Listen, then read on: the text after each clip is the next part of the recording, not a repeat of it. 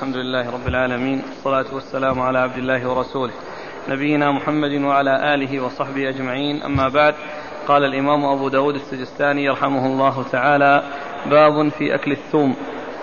قال حدثنا أحمد بن صالح قال حدثنا ابن وهب قال أخبرني يونس عن ابن شهاب. قال حدثني عطاء بن أبي رباح أن جابر بن عبد الله رضي الله عنهما أنه قال إن رسول الله صلى الله عليه وآله وسلم قال من أكل ثوما أو بصلا فليعتزلنا أو ليعتزل مسجدنا وليقعد في بيته. وإنه أتي ببدر وإنه أتي ببدر فيه خضرات من البقول. فوجد لها ريحا فسأل فأخبر بما فيها من البقول. فقال قربوها إلى بعض أصحابه كان معه. فلما رآه كره أكلها قال كل فإني أناجي من لا تناجي. قال أحمد بن صالح ببدر فسره ابن وهب طبق. بسم الله الرحمن الرحيم. الحمد لله رب العالمين. وصلى الله وسلم وبارك على عبده ورسوله نبينا محمد وعلى آله وأصحابه أجمعين. أما بعد فيقول الإمام أبو داود السجستاني رحمه الله تعالى باب في أكل الثوم. آه، أورد أبو داود في أكل الثوم عدة أحاديث.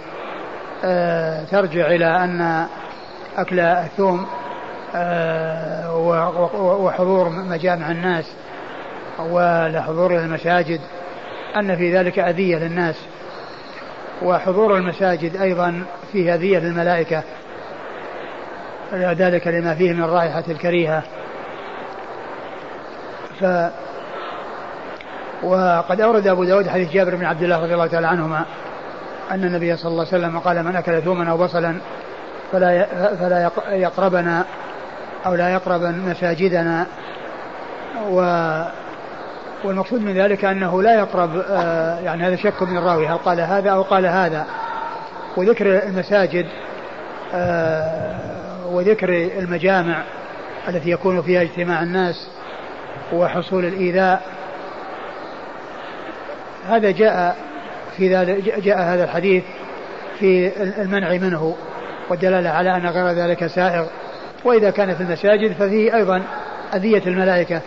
كما جاء فإن الملائكة تتأذى مما يتأذى منه الإنسان.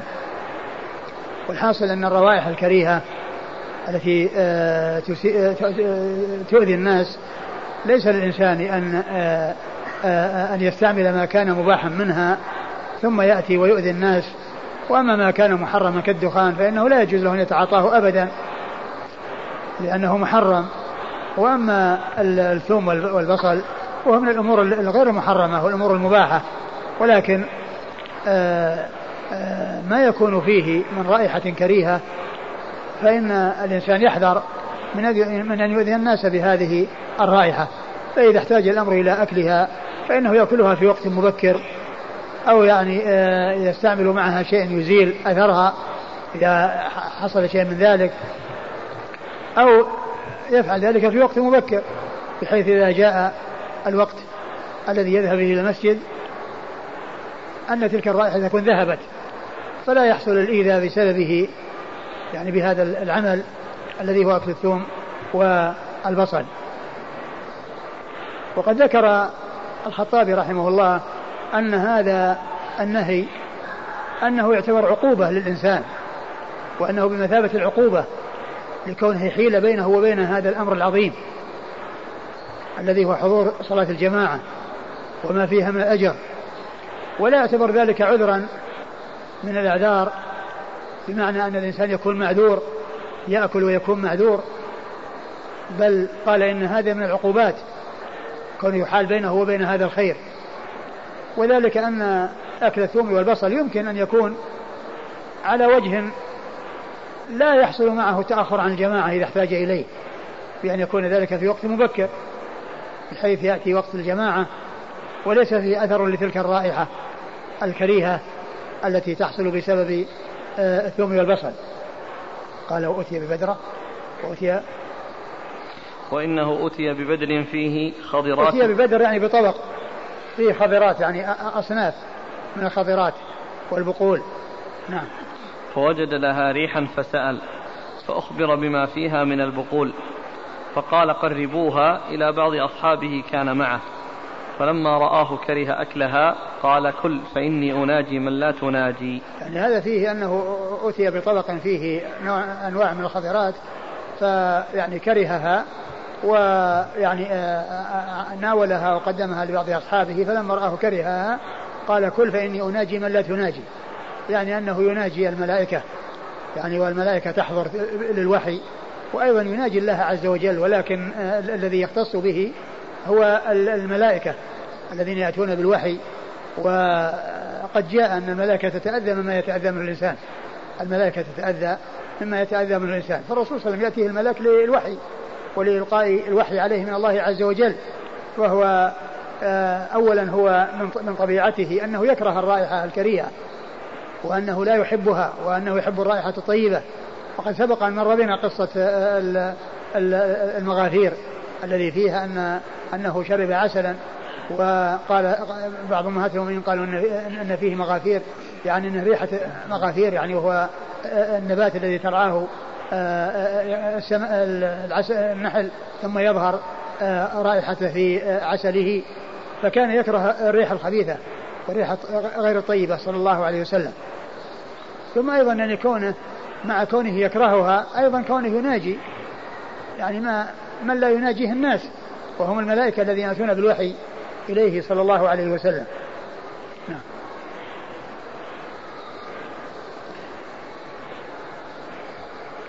قال أحمد بن صالح ببدر فسره ابن وهب طبق. نعم يعني البدر هو الطبق. قال حدثنا أحمد بن صالح. أحمد بن صالح المصري ثقة أخرج حديث البخاري وأبو داود والترمذي في الشمائل. عن ابن وهب. عن وهب عبد الله بن وهب المصري ثقة فقيه. أخرج له أصحاب كتب الستة. عن يونس. عن يونس بن يزيد الأيلي ثقة. أخرج له أصحاب كتب الستة. عن ابن شهاب. عن ابن شهاب محمد بن مسلم بن عبيد الله بن شهاب الزهري ثقة. أخرج له أصحاب كتب الستة. عن عطاء بن عن عطاء بن أبي رباح المكي ثقة. أخرج له أصحاب كتب الستة. عن جابر بن عبد الله الأنصاري رضي الله عنهما وهو أحد الصحابة السبعة المعروفين بكثرة الحديث عن النبي صلى الله عليه وسلم. قال حدثنا أحمد بن صالح قال حدثنا ابن وهب قال أخبرني عمرو أن بكر بن سواد حدثه أن أبا النجيب مولى عبد الله بن سعد حدثه أن أبا سعيد الخدري رضي الله عنه حدثه أنه ذكر عند رسول الله صلى الله عليه وآله وسلم الثوم والبصل. وقيل يا رسول الله وأشد ذلك كله الثوم أفتحرمه؟ فقال النبي صلى الله عليه وسلم كلوه ومن أكله فلا يقرب هذا المسجد حتى يذهب ريحه منه. ثم ورد أبو داود حديث أبي سعيد الخدري رضي الله عنه أن أن النبي صلى الله عليه وسلم ذكر عنده الثوم فقال ذكر عنده الثوم والبصل وقيل يا رسول الله وأشد ذلك كله الثوم. ذكر عنده الثوم والبصل وقيل يا رسول الله أشد ذلك الثوم. أحرام هو؟ أفتحرمه؟ أفتحرمه؟ فقال النبي صلى الله عليه وسلم كلوه ومن أكله فلا يقرب هذا المسجد حتى يذهب ريحه منه. قال كلوه ومن آه، أكله فلا يقرب هذا المسجد حتى يأكل حتى تذهب ريحه منه. فأذن صلى الله عليه وسلم بأكله ولم يمنع منه. ولكن المنع من كونه يعني يحصل على وجه يؤذي الناس وذلك بأن يأتي إلى المسجد أو إلى المساجد وكذلك مثله مجامع الناس التي يتأذى الناس بها باجتماعه بهم ومكثه معهم أو جلوسه معهم فيتأذون برائحته لأن إذا المسلمين حرام لا يسوغ المسلم أن يؤذي أخاه ولكنه عندما يحتاج إليه يأكله في وقت مبكر حتى تزول رائحته. وإذا وجد أيضا شيء يزيل الروائح يعني آه، مأكولات أو شيء آه، يؤتى به بعده مما هو مباح فكذلك يفعل. نعم.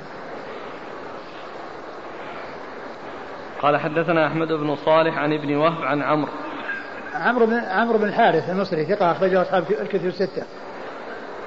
عن بكر بن سوادة. عن بكر بن سوادة وهو ثقة أخرج له. البخاري تعليقا ومسلم وأصحاب السنن. البخاري تعليقا ومسلم وأصحاب السنن. عن أبي النجيب مولى عبد الله بن سعد. عن عن أبي النجيب مولى عبد الله بن سعد وهو مقبول أخرجه البخاري في الأدب المفرد وأبو داود والنسائي. وهو مقبول أخرجه البخاري في الأدب المفرد وأبو داود والنسائي. عن أبي سعيد الخدري. عن أبي سعيد الخدري سعد بن مالك بن سينان رضي الله عنه صاحب رسول الله صلى الله عليه وسلم وأحد السبع المعروفين بكثرة الحديث عن النبي صلى الله عليه وسلم وهو في المعنى مثل الذي قبله الثوم والبصل مأذون فيه وهو من ليس من الأمور المحرمة ولكن المحذور منه رائحته الكريهة التي بها يتأذى الناس. نعم. يقول هل أكل الثوم قبل إتيان المسجد يحمل على الكراهة أو حرمة؟ الذي يبدو أنه على الحرمة لأنه يعني يترتب عليه أولا كونه يعرض نفسه لتخلف عن الجماعة وصلاة الجماعة واجبة. والأمر الثاني كونه إذا حضر يؤذي الناس بهذه الرائحة الكريهة التي قال النبي فلا يقربن مسجدنا. فهو لا شك أنه آثم الذي يفعل ذلك.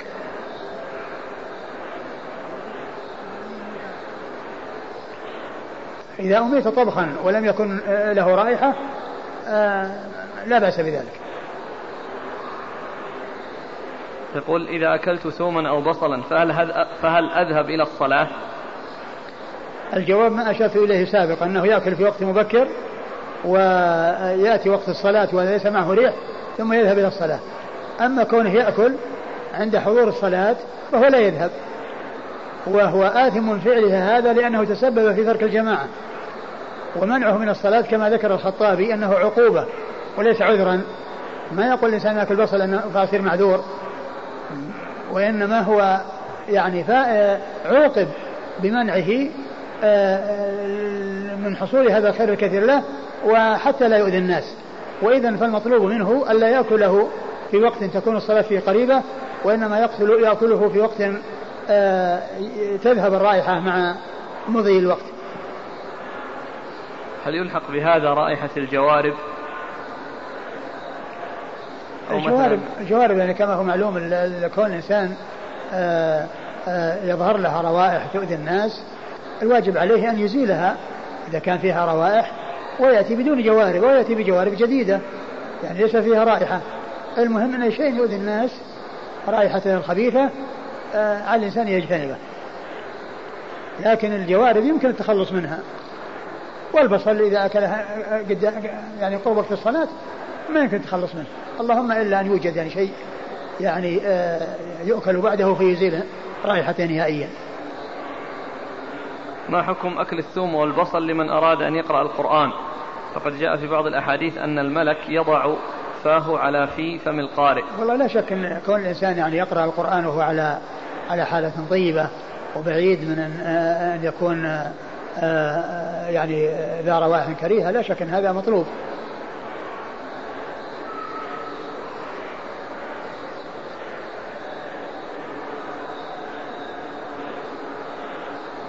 قال حدثنا عثمان بن أبي شيبة قال حدثنا جرير عن الشيباني عن عدي بن ثابت عن زر بن حبيش عن حذيفة رضي الله عنه أظنه عن رسول الله صلى الله عليه وآله وسلم أنه قال من تفل تجاه القبلة جاء يوم القيامة تفله بين عينيه ومن أكل من هذه البقلة الخبيثة فلا يقربن مسجدنا ثلاثا.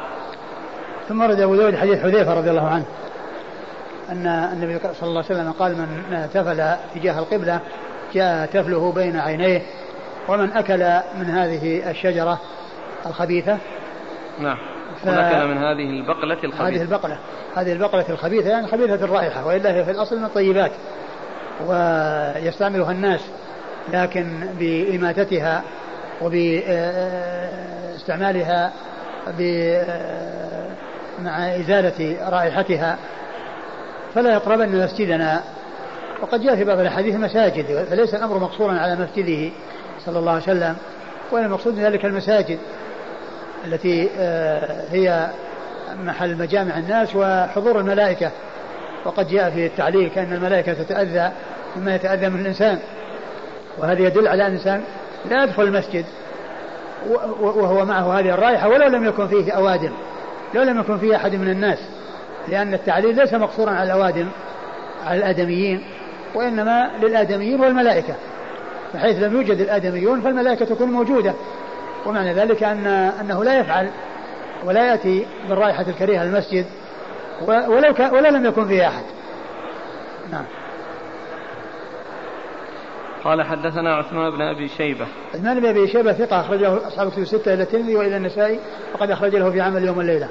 عن جرير عن جرير بن عبد الحميد الضبي الكوفي ثقة اخرج له أصحاب كتب الستة. عن الشيباني عن الشيباني وهو آه، سليمان بن فيروز ثقة اخرج له أصحاب كتب الستة. عن عدي بن ثابت عن عدي بن ثابت وهو ثقة أصحاب الكتب أخرج له أصحاب الكتب الستة. عن زر بن حبيش. عن زر بن حبيش وهو ثقة أخرج له أصحاب الكتب الستة. عن حذيفة. عن حذيفة بن اليمان رضي الله عنه صاحب رسول الله صلى الله عليه وسلم صحابي ابن صحابي وحديثه أخرجه أصحاب الكتب الستة. من تفل تجاه القبلة جاء يوم القيامة تفله بين عينيه. يعني وهذا يدل على تحريم ومنع التفل إلى القبلة واتجاه القبلة وإنما الإنسان يتفل إلى إلى غير تلك الجهة. عام سواء في الصلاة أو غير الصلاة. نعم. عام في الصلاة في غير الصلاة. أو في المسجد وفي غيره. عموما يشمل.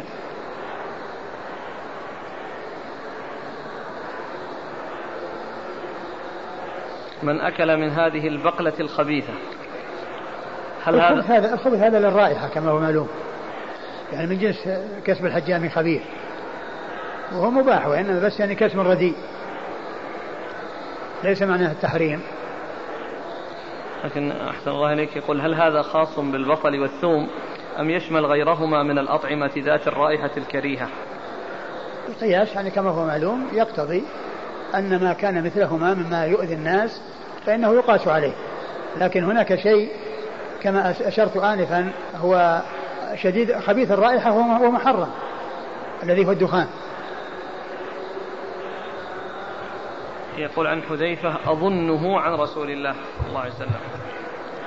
إيه يعني ما فيه شك يعني في آه في كونه رفعه إلى الرسول صلى الله عليه وسلم.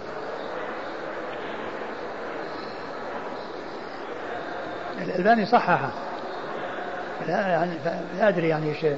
لعله يعني وجد يعني شيء يعني يفيد. ثم أيضا يعني من ناحية من تفل جاء تفله هذا يعني لا يقال بالرأي. وأما الباقي فمطابق لل... لغيره.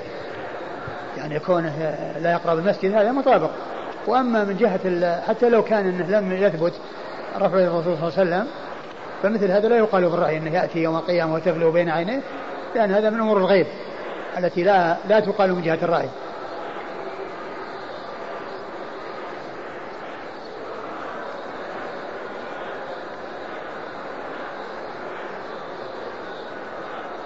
قال حدثنا أحمد بن حنبل قال حدثنا يحيى عن عبيد الله عن نافع عن ابن عمر رضي الله عنهما أن النبي صلى الله عليه وآله وسلم قال من أكل من هذه الشجرة فلا يقربن المساجد. ثم ورد أبو داود حديث ابن عمر من أكل من هذه الشجرة فلا يقربن المساجد. وهذا لفظ عام يشمل مسجد النبي صلى الله عليه وسلم وغيره.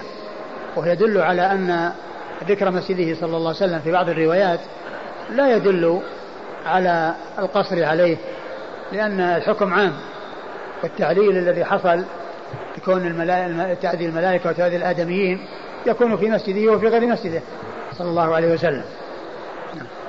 قال حدثنا أحمد بن حنبل. أحمد بن حنبل أحمد بن محمد بن حنبل الشيباني الإمام الفقيه أخرج له أصحاب كتب الستة. عن يحيى. يحيى بن سعيد القطان ثقة أخرج له أصحاب كتب الستة. عن عبيد الله. عبيد الله بن عمر بن حفص بن حفص بن, بن عاصم بن عمر وهو ثقة أخرجه أصحاب الكتب الستة. عن نافع. نافع مولى بن عمر وهو ثقة أخرج له أصحاب الكتب الستة.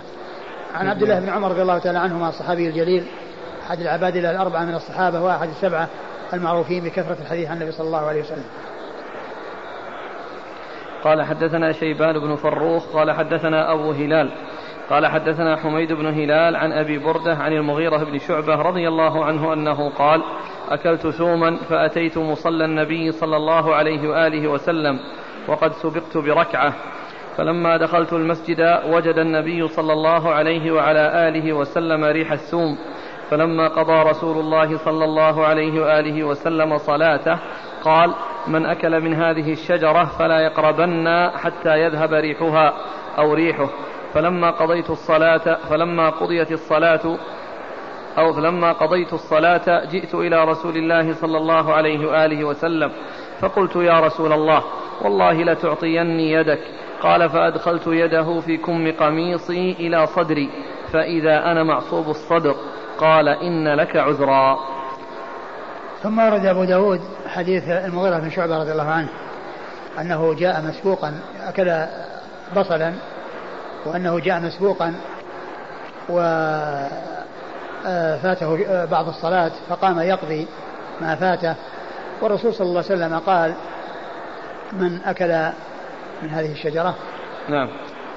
من أكل من هذه فلا يقربن فلما قضى صلاته المغيرة بن شعبة جاء إلى النبي صلى الله عليه وسلم وطلب منه أن آه، يعني آه، يوقفه على الشيء الذي جعله يستعمل هذه أكل هذه الشجرة أو من هذه الشجرة.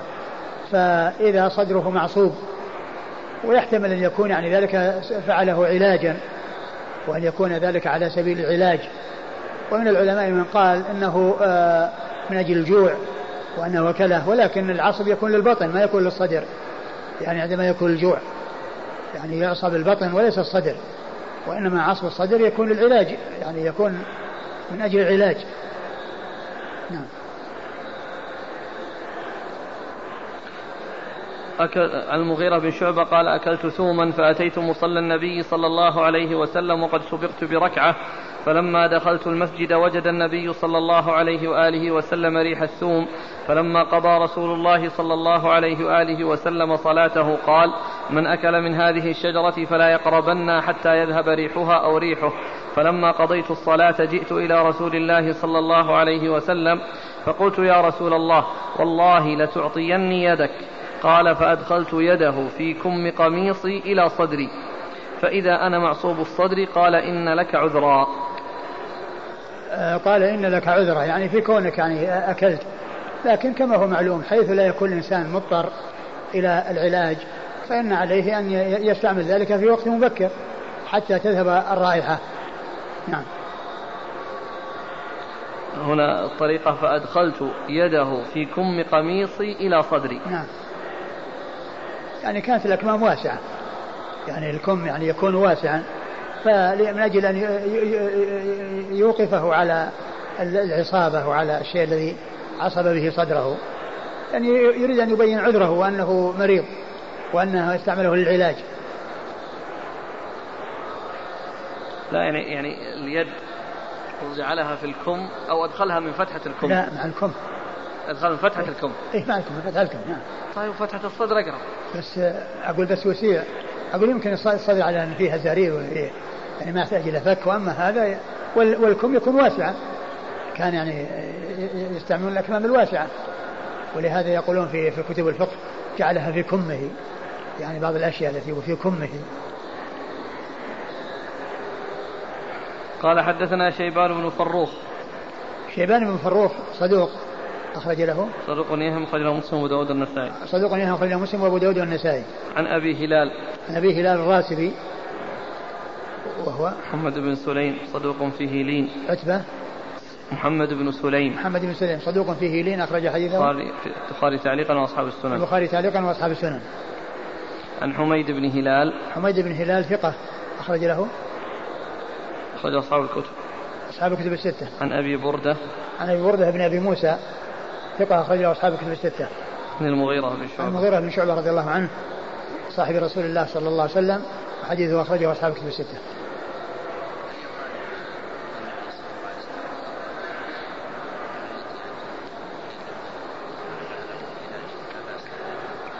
يعني يبدو أن هذا هذا يعني شيء قد وجد وأنه آه، عذره لكن كونه آه، بين النبي صلى الله عليه وسلم أن من أكل لا يقرب المسجد فإن عليه أن يفعل ذلك في وقت مبكر حتى العلاج يستعمله في وقت مبكر حتى لا تأتي تكون الرائحه موجودة عند حضور المساجد.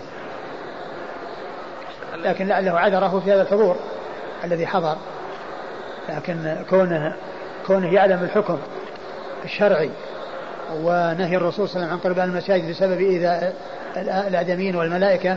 يعني عليه أنه يتخلص من ذلك بأن يستعمل العلاج في وقت لا يتعارض مع الحضور المسجد.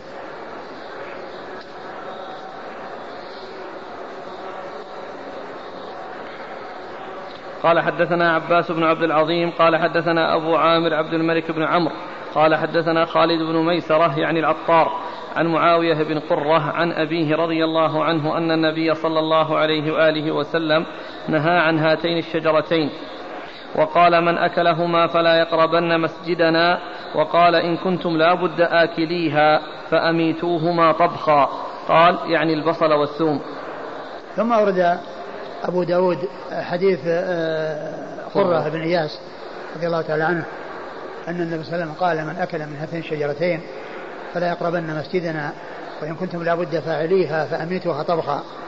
وهذا يفيد بأن الإنسان آه، آه، يستعملها مطبوخة حتى لا يكون لها رائحة. ومعلوم أن الثوم حتى مع الطبخ يعني يكون فيه شيء من الرائحة. لكن ليست كالحالة التي يكون فيها قبل الطبخ فإن ذلك أشد. عيد المتن قال أن النبي صلى الله عليه وسلم نهى عن هاتين الشجرتين وقال من أكلهما فلا يقربن مسجدنا. وقال إن كنتم لا بد آكليهما فأميتوهما طبخا. والنهي يعني ليس المقصود تحريمهما وإنما يعني النهي عن استعمالهما على وجه يؤذي. وإذا كانوا آه، لابد فاعلين فإنهم يميتونها طبخا. وكذلك لو أكلوها وهم بحاجة إليها بدون طبخ لكن يكون في وقت مبكر بحيث تذهب الرائحة نعم قال حدثنا عباس بن عبد العظيم عباس بن عبد العظيم العنبري ثقة أخرجه البخاري تعليقا ومسلم وأصحاب السنن. عن أبي عامر عبد الملك أبي عامر العقدي هو عبد الملك بن عمرو وهو صدوق أخرجه أصحاب الكتب الستة. ثقة. ثقة ثقة أخرجه أصحاب الكتب الستة. عن خالد بن ميسرة يعني العطار. خالد بن ميسرة يعني العطار هو صالح الحديث أخرجه أبو داود النسائي. صالح الحديث أخرجه أبو داود النسائي. عن معاوية بن قرة. عن معاوية بن قرة وهو ثقة أخرجه أصحاب الكتب الستة. عن أبيه. عن أبيه قرة بن إياس رضي الله عنه وحديثه أخرجه. البخاري المفرد وأصحاب السنن. البخاري في المفرد وأصحاب السنن.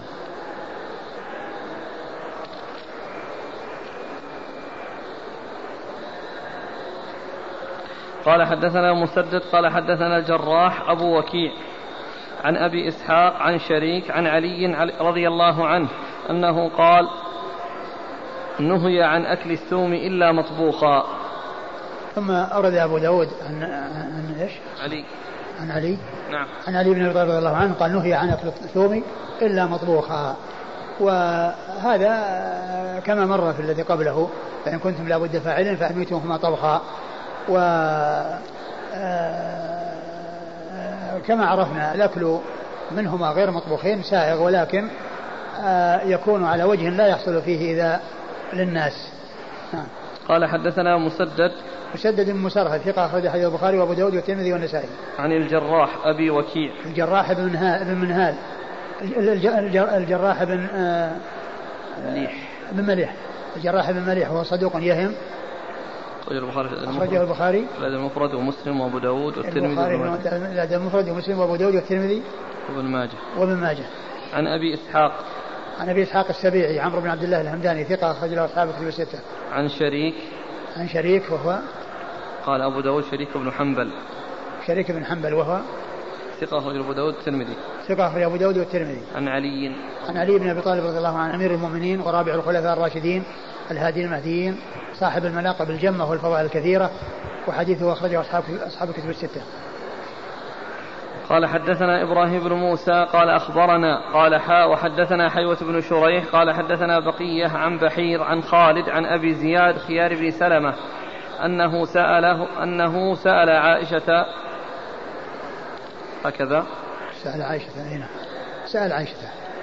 وسأله؟ أي. سأل عائشة. أنه سأل عائشة رضي الله عنها عن البصل. فقالت إن آخر, إن آخر طعام أكله رسول الله صلى الله عليه وآله وسلم طعام فيه بصل.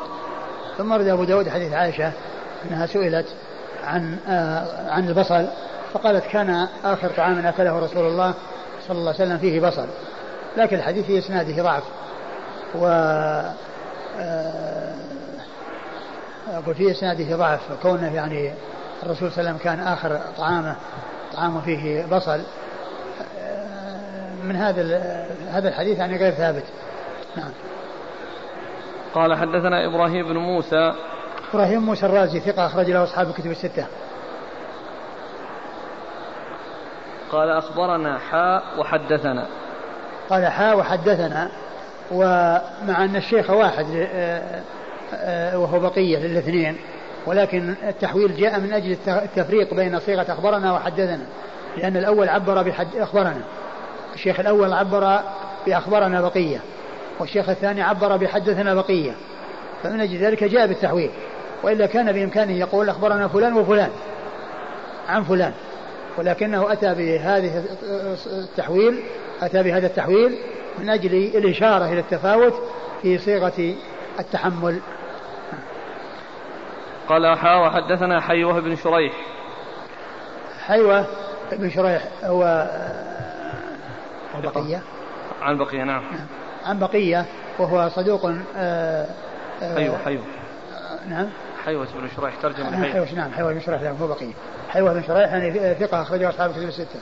هذا المصري. مو بالمصري هذا؟ ولا ولا الحمصي نعم نعم الحمصي صح. المصري هو الذي أخرجه أصحاب الكتب الستة وأما ذاك أخرجه البخاري. و... وأبو داود والترمذي وأبو داود والترمذي وابن ماجه. وابن ماجه نعم. حيوة بن شريح ال... ال... ال... الحمصي متأخر وحيوة بن شريح المصري متقدم يعني قليلا عن هذا وذاك خرج له أصحاب الكتب الستة وهذا خرج له بعضهم. عن بقية. عن بقية بن الوليد وهو صدوق أخرج حديثه البخاري تعليقا ومسلم وأصحاب السنن. عن بحير. عن بحير بن سعد الحمصي. وهو ثقة أخرجه البخاري في الأدب المفرد وأصحاب السنن ثقة أخرجه البخاري في الأدب المفرد وأصحاب السنن عن خالد. عن خالد بن معدان وهو ثقة أخرج له. أصحاب الكتب الستة. أصحاب الكتب الستة. عن عن أبي زياد خيار بن سلمة.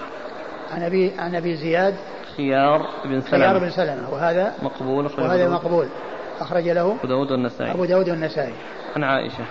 عن عائشة أم المؤمنين رضي الله عنها وأرضاها الصديقة من الصديق. وهي واحدة من سبعة أشخاص عرفوا بكثرة الحديث عن النبي صلى الله عليه وسلم. علة الإسناد خيار و... هذا اللي هو خيار. وبقية وبقية.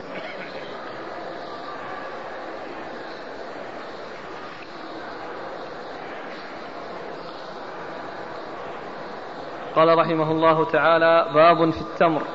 قال حدثنا هارون بن عبد الله قال حدثنا عمر بن حفص قال حدثنا أبي عن محمد بن أبي يحيى عن يزيد الأعور عن يوسف بن عبد الله بن سلام رضي الله عنهما قال رأيت النبي صلى الله عليه وعلى آله وسلم أخذ كسرة, كسرة من خبز شعير فوضع عليها تمرة وقال هذه إدام هذه. ثم ورد أبو داود باب في التمر وأورد فيه حديث يوسف بن عبد الله بن سلام رضي الله عنه أن النبي صلى الله عليه وسلم أخذ خبزة أو كسرة خبز ووضع فيها تمرة فقال هذه إدام هذا يعني أن الخبز إدامه التمر. والتمر معروف أنه ليس من الأدم وإنما هو من الأطعمة وإنما الإدام يعني مثل الزبد ومثل الخل وما إلى ذلك. ومعلوم أن التمر إدامه الزبد. يعني كونه يغمس في الزبد ويؤكل هذا هو إدامه وهو ليس بإدام. ولكن الحديث يعني هذا فيه ضعف الذي فيه الجمع بين الخبز والتمر وأن هذا إدام هذا يعني كونه هذا إدام هذا يعني غير صحيح.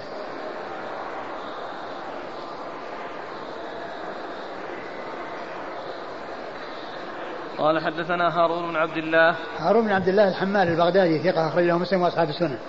عن عمر بن حفص. عن عمر بن حفص ثقة أخرج له. ثقة ربما وهم أخرج له أصحاب الكتب إلا ابن ماجه. ثقة ربما وهم أخرج أصحاب الكتب الستة إلا ابن ماجه. عن أبيه. عن أبيه هو حفص بن غياث وهو ثقة أخرج أصحاب الكتب. ثقة أخرج أصحاب الكتب الستة. عن محمد بن أبي يحيى. محمد بن أبي يحيى وهو صدوق أخرج أبو داود والترمذي في الشمال والنسائي بن ماجه. صدوق أخرج أبو, أبو داود والترمذي في الشمال والنسائي بن ماجه.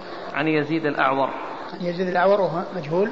نعم أخرج له أبو داود والترمذي في الشمال وهو مجهول أخرجه أبو داود والترمذي في الشمال عن يوسف بن عبد الله بن سلام. عن يوسف بن عبد الله بن سلام وهو قيل له رؤيا.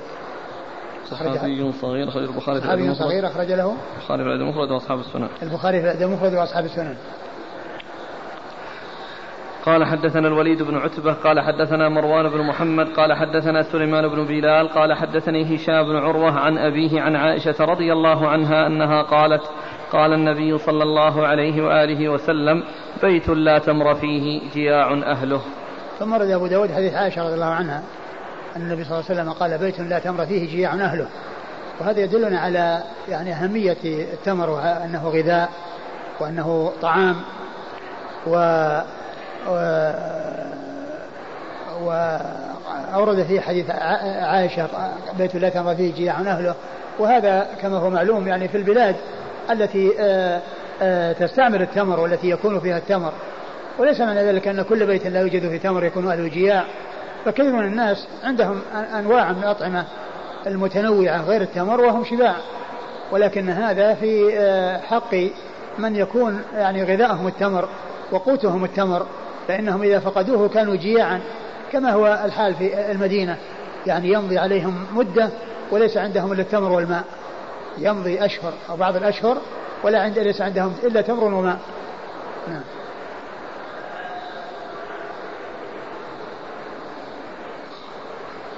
قال حدثنا وليد بن عتبة.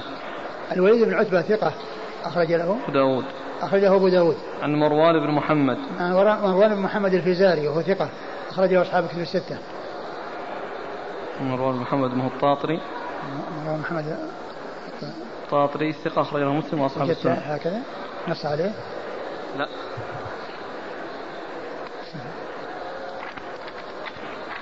ذاك مروان آه، الفزاري وهو محمد لا. هو أبو محمد. هذاك أبو أسماء اللي درس تدريس الشيوخ إيه. لا ذاك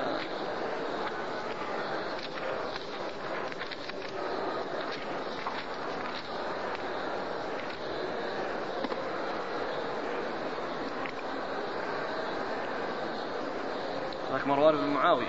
آه هذاك اللي اللي درس الشيوخ. إيه. الفزاري فزايد درس اسماء الشيوخ. اذا هذا من هو؟ مروان بن محمد بن حسان الأسدي الدمشقي الطاطري. آه. ثقة أخرج له مسلم التاسعة آه. ثقة. هو هذا في طبقته. الثامنة اي نعم. طبعا طبعا متقاربة. نعم. لأنه طبق الشيوخ شيخ أبي داود. آه هذا مروان بن محمد الطاطري وهو ثقة أخرج له مسلم وأصحاب السنن. ثقة أخرج له مسلم وأصحاب السنن. عن سليمان بن بلال. سليمان بن بلال ثقة أخرج له أصحاب كتب الستة. عن هشام بن عروة. هشام بن عروة ثقة أخرج له أصحاب كتب الستة. عن أبيه عروة بن الزبير وهو ثقة فقيه أخرج له أصحاب كتب الستة. عن أم المؤمنين عائشة رضي الله عنها الصديقة من الصديق وهي واحدة من سبعة أشخاص عرفوا بكثرة الحديث عن النبي صلى الله عليه وسلم.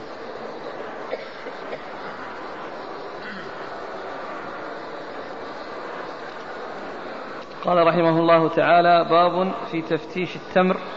المسوس عند الأكل. قال حدثنا محمد بن عمرو بن جبلة. قال حدثنا سلم بن قتيبة أبو قتيبة. عن همام عن إسحاق بن عبد الله بن أبي طلحة عن أنس بن مالك رضي الله عنه أنه قال أتي النبي صلى الله عليه وآله وسلم بتمر عتيق فجعل يفتشه يخرج السوس منه. ثم ورد أبو داود باب في تفتيش التمر المسوس عند الأكل. باب في تفتيش التمر المسوس عند الأكل يعني التمر الذي يكون فيه سوس.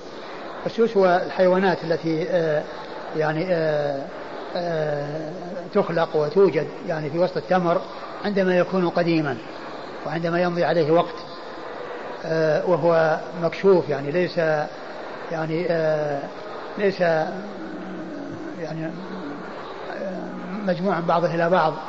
بحيث إنه يعني يمتزج بعضه ببعض فلا يكون في مجال وإنما التمر المعتاد الذي على على هيئته دون أن يلبد ودون أن يرص بعضه إلى بعض بحيث يعني يختلط بعضه ببعض.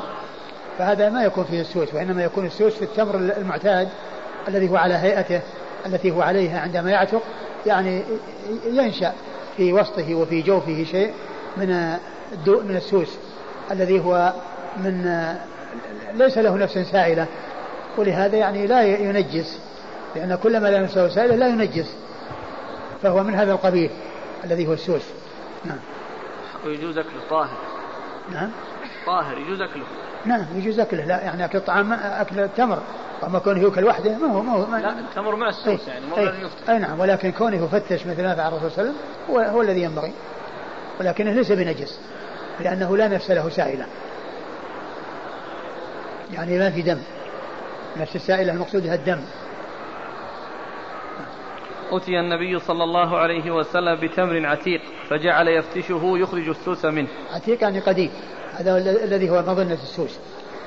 وأما التمر الجديد ما يكون فيه سوس. والملبود والمرصوص بعضه إلى بعض حتى امتزج بعضه بعض أو ارتص ما يكون فيه سوس. إذا ما يعاب على الشخص هذا الفعل. نعم. بعض الجماعة أقول بعضهم يكره هذا إذا فتشته وتفتش قدامه يقول ورا. لا لا أبدا لا يعاب أقول لا يعاب الرسول صلى الله عليه وسلم فعله. وهو سيد الخلق صلى الله عليه وسلم. قال حدثنا محمد بن عمرو بن جبلة. محمد بن عمرو بن جبلة هو صدوق إلى مسلم وأبو داود. صدوق اليوم مسلم وأبو داود. عن سلم بن قتيبة أبو قتيبة. سلم بن قتيبة أبو قتيبة الشعيري وهو صدوق. البخاري وأصحاب السنن. أخرجه البخاري وأصحاب السنن. وكنيته توافق اسم أبيه لأن سلم بن قتيبة أبو قتيبة ولو قيل سلم أبو قتيبة يكون صحيحا كما لو قيل كما لو قيل سلم بن قتيبة لا فرق بينهما لأن من وافقت كنية اسم أبيه إن قيل هذا وإن قيل هذا كله صحيح.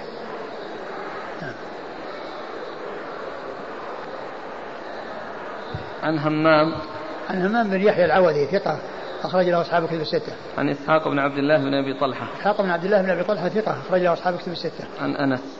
عن أنس وهو عمه لأمه. آه، آه، وهو أحد أحد السبع المعروفين بكثرة الحديث عن النبي صلى الله عليه وسلم.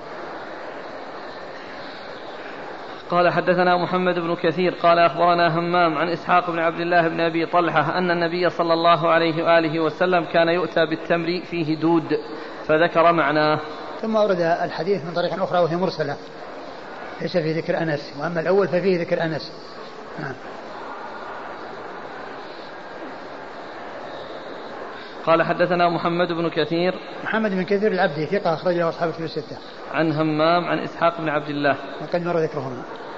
الأخ يشير أنه يقول على ما يحمل النهي الذي ورد عن ابن عمر مرفوعا كما رواه الطبراني عن عن الفتش في التمر. ما يعني بس الكلام على ثبوته. الشأن في الثبوت. الرسول ثبت عنه أنه كان يفتش. والنهي يعني آه يحتاج إلى ثبوت.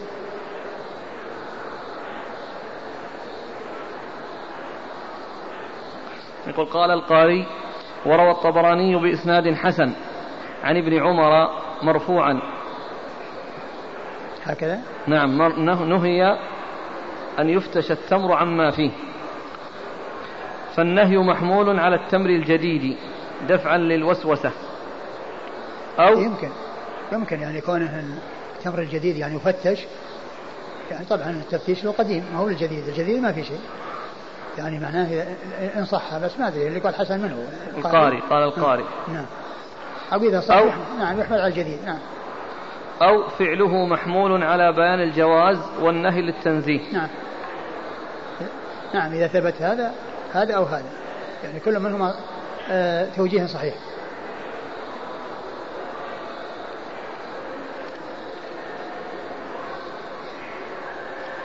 يقول الأخ ما حكم إلقاء التمر إذا وجد به السوس؟ فقد النفس تعافى ما هو جيد ما ينبغي الإنسان يلقيه وإنما يعطيه لمن يحتاجه. يلقيه يعطيه لمن يحتاجه. الرسول صلى الله عليه وسلم يعني آه، نفسه خير النفوس وقد أكله عليه الصلاة والسلام. أقول لكم مجموعة يعني تمرة فتشها وعافت نفسه. حطها يعني بس ما ياخذ واحدة ثانية. يمكن. هو يعني حتى لو ما أخذها واحد ثاني يمكن يعطى للمسكين أو يعطى لأحد يستفيد منه.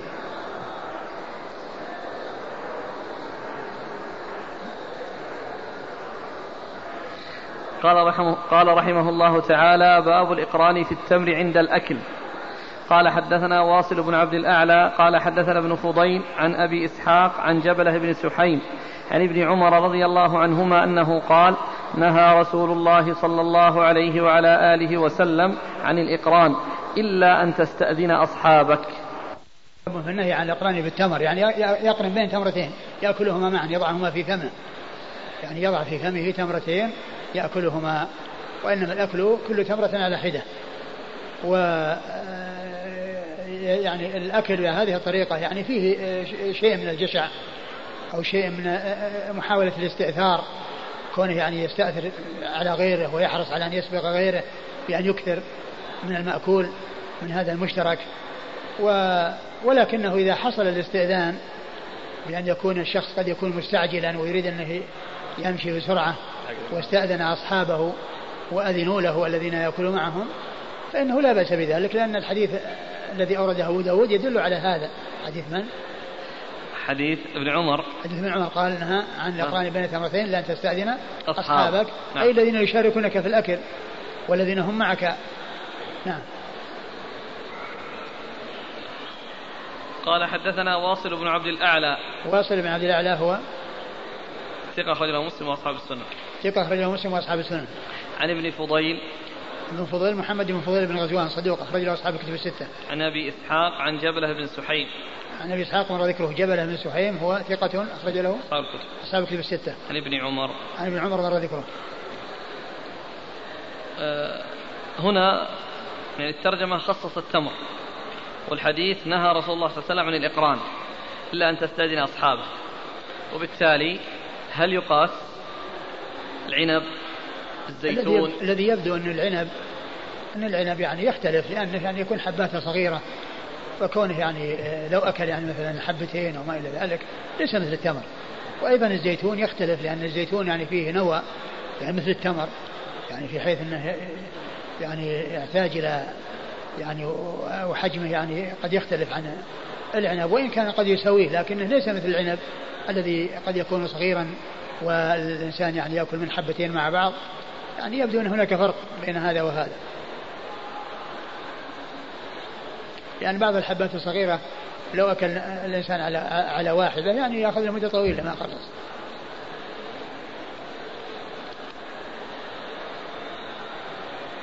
يقول هل يجوز الإقران حال الانفراد؟ يعني يبدو أنه سائغ لا بأس به.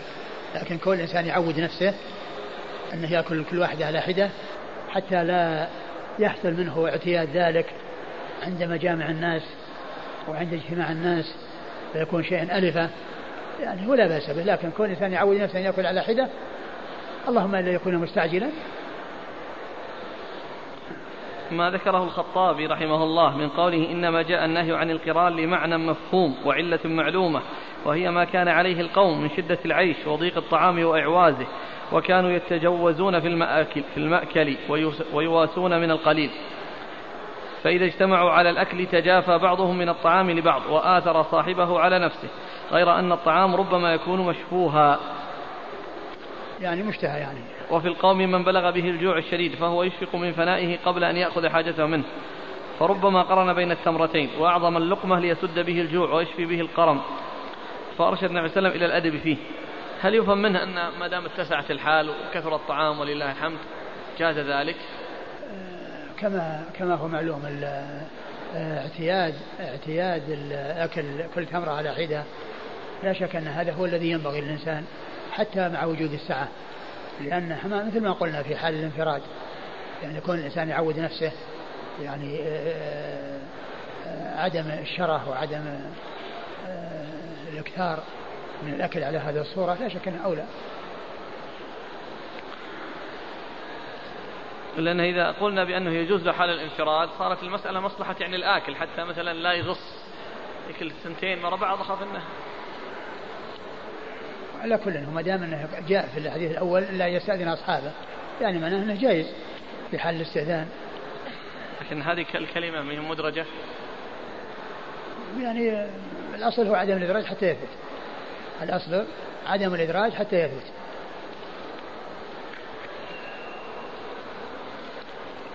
طيب هنا ما قاله ابن القيم. إيش قال؟ قال وهذه الكلمة وهي الاستئذان قد قيل إنها مدرجة من كلام ابن عمر. قال شعبة لا أرى هذه الكلمة إلا من كلام ابن عمر يعني الاستئذان. ذكره البخاري في الصحيح. وقد روى الطبراني في المعجم من حديث يزيد بن زريع عن أبي خالد عن عطاء الخراساني عن ابن بريدة عن أبيه رضي الله عنه أنه قال قال رسول الله صلى الله عليه وسلم كنت نهيتكم عن الإقران. وإن الله قد أوسع الخير فاقرنوا.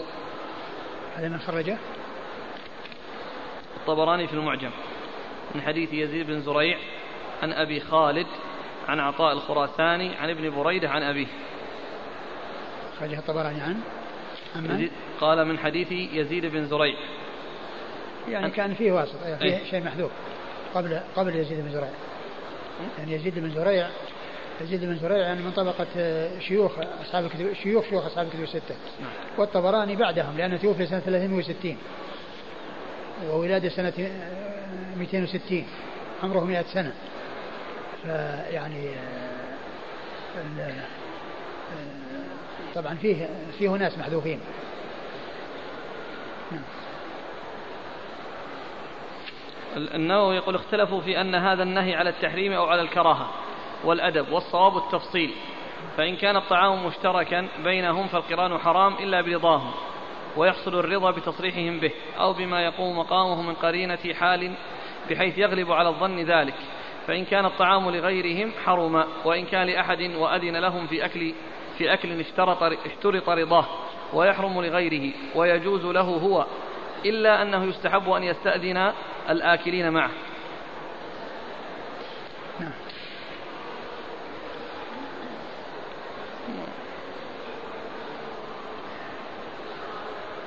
طيب والقول بالنسخ فذهب الطائفة منهم الحازم في ذلك إلى النسخ وادعوا أن حديث بريدة ناسخ لحديث ابن عمر.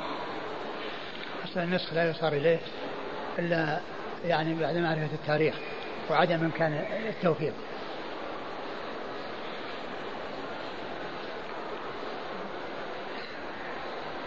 هذا ظاهر ضعف ابن القيم. يقول هذا الذي قالوه إنما يصح أن لو ثبت حديث بريدة ولا يثبت مثله. فإن الطبراني رواه من حديث محمد بن سهل. قال حدثنا سهل بن عثمان قال حدثنا محبوب العطار عن يزيد بن زريع. أي نعم فذكر. صار فيه عدد. نعم نعم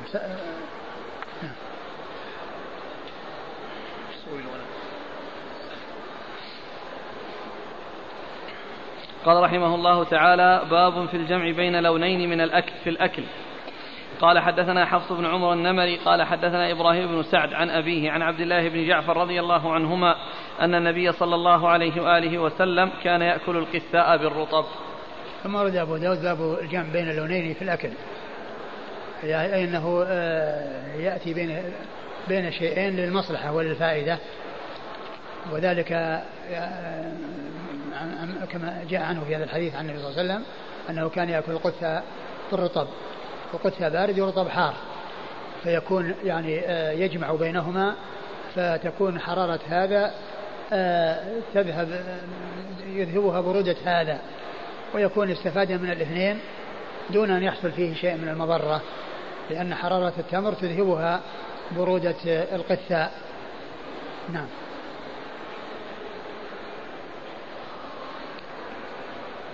هذا يخالف ما مر في ترجمة أنه ما يجمع؟ لا ذاك ورد في حديث ضعيف.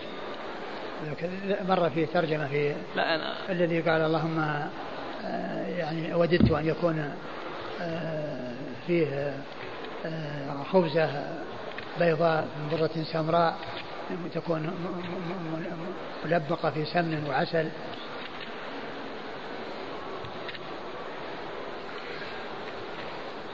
ثم ذاك سبق أن عرفنا أنه يعني الجمع بين نوعين من الطعام بين يدي الإنسان أنه سائر لأن الثريد كما قلنا فيما مضى آه، هو خير الأطعمة عندهم وفيه الجمع بين اللحم والخبز وفيه الجمع بين اللحم والخبز والطعام الذي آه، صنعه الخياط للرسول صلى الله عليه وسلم الذي معه أنس بن مالك فيه كان يعني فيه شعير وفيه دبة وفيه مرق. نعم. وأما ذاك الذي قال وجدته فذاك آه، ضعيف.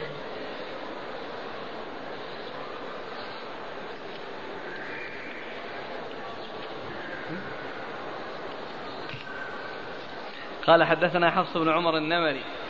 حفص بن عمر النمري ثقة أخرج حديث البخاري وأبو داود والنسائي.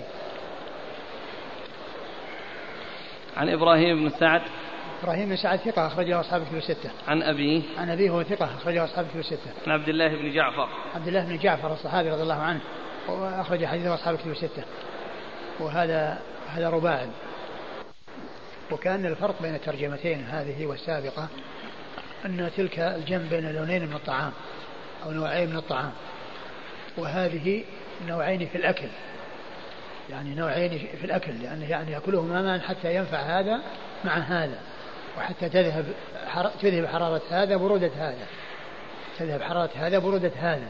وهنا قال في الطعام نوعين من الطعام وهنا نوعين في الأكل. يعني معناه أن الحاجة داعية إلى الجمع بينهما من أجل أن حرارة التمر آه، آه، تذهبها برودة القثاء. نعم. يسألون عن معنى القثة القثة هو الخيار. الخيار المعروف عند الناس الخيار. إلا أن بعض الناس يفرق بين بينهما بأن بأن الآن في, في هذا الوقت يجعلون الخيار هو النوع الذي فيه أخضر فيه خضرة والقثة هو الذي فيه السواد وكلهما بمعنى واحد.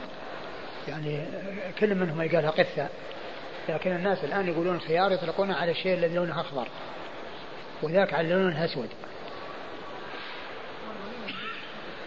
نعم الأسود هو اللي يقول له قثة وال وال وهذا يقول له خيار اللي هو أسود أخضر. لا مو بصر لا ما هو بصر أخضر وأسود. نعم. قال نعم. قال حدثنا سعيد بن نصير قال حدثنا أبو أسامة قال حدثنا هشام بن عروة عن أبيه عن عائشة رضي الله عنها قالت كان رسول الله صلى الله عليه وآله وسلم يأكل البطيخ بالرطب فيقال نكسر حر هذا ببرد هذا وبرد هذا بحر هذا. ثم ورد أبو داود حديث عائشة رضي الله عنها أنه كان يأكل البطيخ بالرطب ويقول نكسر حر هذا ببرد هذا أو برد هذا بحر هذا. وهذا يعني من جنس الخيار أيضا. يعني من جنس أكل الخيار مع التمر لأن هذا في برودة وهذا في حرارة وكذلك البطيخ. يعني فيه حرارة وفيه فيه برودة والتمر فيه حرارة. فيكون يعني حرارة هذا تكسر ببرودة هذا. ففيه الجمع بين شيئين في الأكل. يعني كونه يتناولهما معا من أجل أن هذا يذهب. يعني ما في هذا من الحرارة يذهب ببرودة برودة هذا تذهب ما في هذا من الحرارة. قال حدثنا سعيد بن نصير. سعيد بن نصير هو صدوق أخرجه أبو داود. صدوق أخرجه أبو داود. عن أبي أسامة. عن أبي أسامة حماد بن أسامة ثقة أخرج له أصحاب كتب الستة. عن هشام بن عروة عن أبيه عن عائشة. عن هشام بن عروة عن أبيه عن عائشة وقد مر ذكرهم. قال حدثنا محمد بن الوزير قال حدثنا الوليد بن مزيد قال سمعت ابن جابر قال حدثني سليم بن عامر عن ابني بسر السلميين رضي الله عنهم أنهما قالا دخل علينا رسول الله صلى الله عليه وآله وسلم فقدمنا زبدا وتمرا وكان يحب الزبد والتمر. ثم ورد أبو داود حديث ابني بسر وهما عبد الله وعطية رضي الله تعالى عنهم أن النبي صلى الله عليه وسلم دخل عليهم فقدموا له زبدا وتمرا وكان يحب الزبد والتمر و آه، يعني وهذا فيه الجمع بين الاثنين في الأكل. الجمع بين النوعين في الأكل. نعم. قال حدثنا محمد بن الوزير. محمد الوزير هو؟ ثقة أخرجه أبو داود. ثقة أخرجه أبو داود. عن الوليد بن مزيد. الوليد بن مزيد وهو ثقة ثقة أخرجه أبو داود النسائي. ثقة أخرجه أبو داود النسائي. عن ابن جابر. ابن جابر هو عبد الرحمن بن يزيد بن جابر وهو ثقة أخرج له أصحاب الكتب. أصحاب الكتب الستة. عن سليم بن عامر. سليم بن عامر وهو ثقة أخرجه البخاري في المفرد ومسلم وأصحاب السنن. ثقة أخرجه البخاري في المفرد ومسلم وأصحاب السنن. عن ابني بسر. عن ابني بسر وهم عبد الله بن بسر صحابي أخرج له أصحاب الكتب الستة وأخيه عطية أخرج له أبو داود بن ماجه. أبو داود بن ماجه. قال باب الأكل في آنية أهل الكتاب. والله تعالى أعلم وصلى الله وسلم وبارك على عبده ورسوله نبينا محمد وعلى آله وأصحابه أجمعين. جزاكم الله خيرا وبارك الله فيكم ونفعنا الله بما قلتم. يقول السائل قول النبي صلى الله عليه وسلم نكسر حر هذا ببرد هذا. هل هذا من السنة أن يقال عند أكل البطيخ بالرطب؟ يعني آه، ما يقال ولكنه يعني يفعل آه، من أجل هذا من أجل ما أرشد إليه الرسول صلى الله عليه وسلم. مو لازم الإنسان يقول نكسر هذا بحر هذا برد حر هذا ببرد هذا. لكن يمكن أن يذكر يعني آه، بالمناسبة الحديث وما جاء فيه. أما كون سنة يقال أن نفعل هذا الرسول قاله مبينا.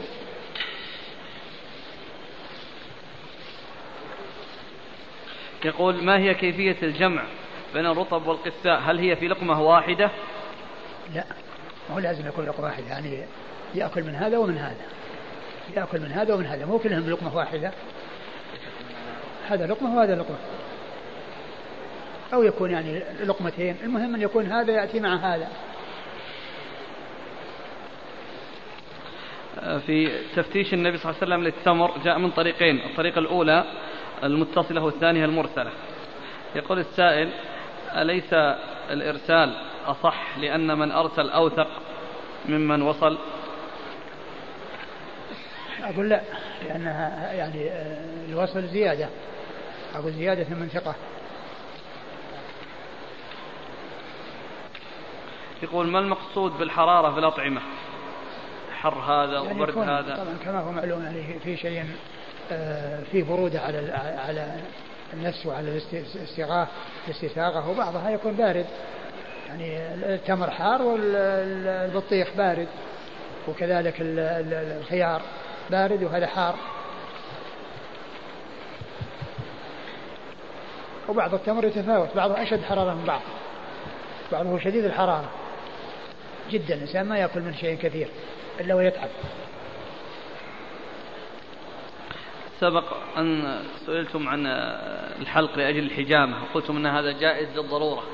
موضع وليس من القزع. السائل يقول استدراك لكن يا شيخ البعض يحلقون شعرهم ليس بقدر المحاجم.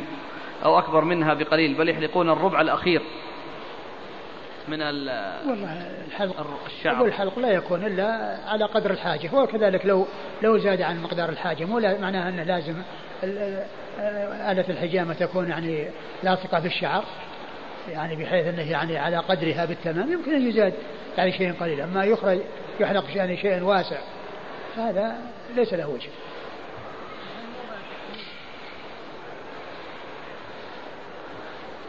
ما هل تصح إطلاق هذه العبارة على معاوية رضي الله عنه؟ أول خليفة خرج عن البيعة واستولى على الحكم في الإسلام معاوية بن أبي سفيان. لا هذا غلط. ليس بصحيح. معاوية بن أبي سفيان رضي الله تعالى عنه خلافته واجتماع الناس على بيعته الرسول صلى الله عليه وسلم قال عنها في حق الحسن وسيصلح الله به بين فئتين عظيمتين من المسلمين.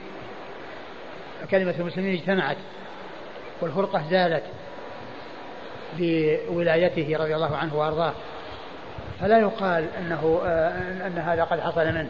ثم أيضا يعني كونه يعني ما بايع في الأول ما بايع من أجل أنه أولى بالخلافة وإنما مطالبا بأن يقدم آه، أن يقتص من القتل الذين قتلوا عثمان وهو من أقربائه. فهذا هو اجتهد وراء هذا وعلي رضي الله عنه اجتهد ورأى أن الأمور لازم تجتمع الكلمة أولا ويكون الناس آه، على حد سواء تحت ولايته وهذا رأى أنه يؤخر حتى يقتص من القتلة. وانتهى الأمر إلى ما انتهى إليه ولكن الرسول صلى الله عليه وسلم أخبر بأن هذا الذي حصل على يد الحسن أن هذا آه، مصلحة للمسلمين وأن هذا من آه، من من محاسن الحسن رضي الله تعالى عنه وأرضاه حيث أصلح الله تعالى به بين فئتين عظيمتين من المسلمين الذين هم أهل الشام وأهل العراق. هل يدخل في القران إذا جلس الإنسان في الأكل وأخذ ثلاث أو أربع حبات بيده ثم بدأ يأكل حبة حبة يأخذ من يده اليسرى ويضعها في مثلا؟ لا هذا ما ليس من القرآن. القرآن يعني هو هو في من القرآن بالاستئثار يعني كونه يعني بدل ما يكون في في الوعاء. وكل يعني آه، يأخذ. آه، هو قريب منه من ناحية أنه استأذر هذا الذي وقع في حوزته ما حد يأكله ما أكله إلا هو. بخلاف الذي في الوعاء في الطبق يعني كل يمكنه أن يأخذ فهو في الحقيقة يعني شبيه بالقرآن وهو بمعنى القرآن.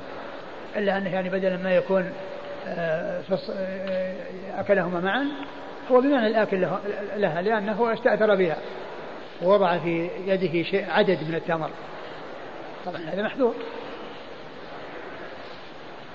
يقول زوجتي حائض وقد جئنا مع حملة للعمرة وسنذهب غدا إن شاء الله إلى مكة. ماذا تفعل زوجتي وهي حائض؟ أبد تحرم.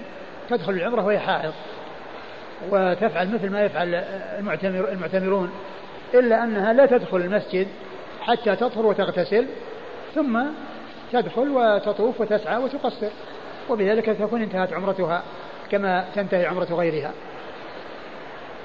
الإحرام وهي حائض ما في بس تدخل في الإحرام وهي حائض وتلبي وهي حائض ولكنها لا تدخل المسجد حتى تطهر وتغتسل. وبعد ذلك تدخل وتطوف وتسعى وتقصر وتنتهي عمرتها.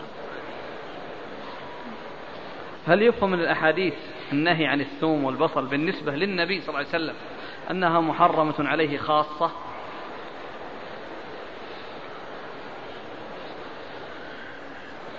ما أدري يعني قضية هو لأنه قالوا ناجي من لا تناجي. ومعلوم أن الوحي يعني يحصل آه، له باستمرار ويأتيه الملك يعني آه، من غير علمه بمجيئه يعني يأتي في أوقات يعني مفاجئ ومباغت. فالتحريم يعني كونها طبعا هو بالنسبة له أذن في الأكل وقال أناجي من لا تناجي. لكن غيره آه، كما كما علمنا هو محمول على أنه يؤكل في وقت مبكر وأنه في الأصل جائز الأكل. والرسول صلى الله عليه وسلم يناجي آه، الملائكة الذين يأتون بالوحي. فكونه محرم عليه أو أنه يعني أنه أو أنه تركه من أجل يعني هذا الشيء مع أنه مباح يعني ما يقال يعني بقضية التحريم وأنه محرم عليه. ما حكم صيام النذر في هذه الأيام الأخيرة من شعبان؟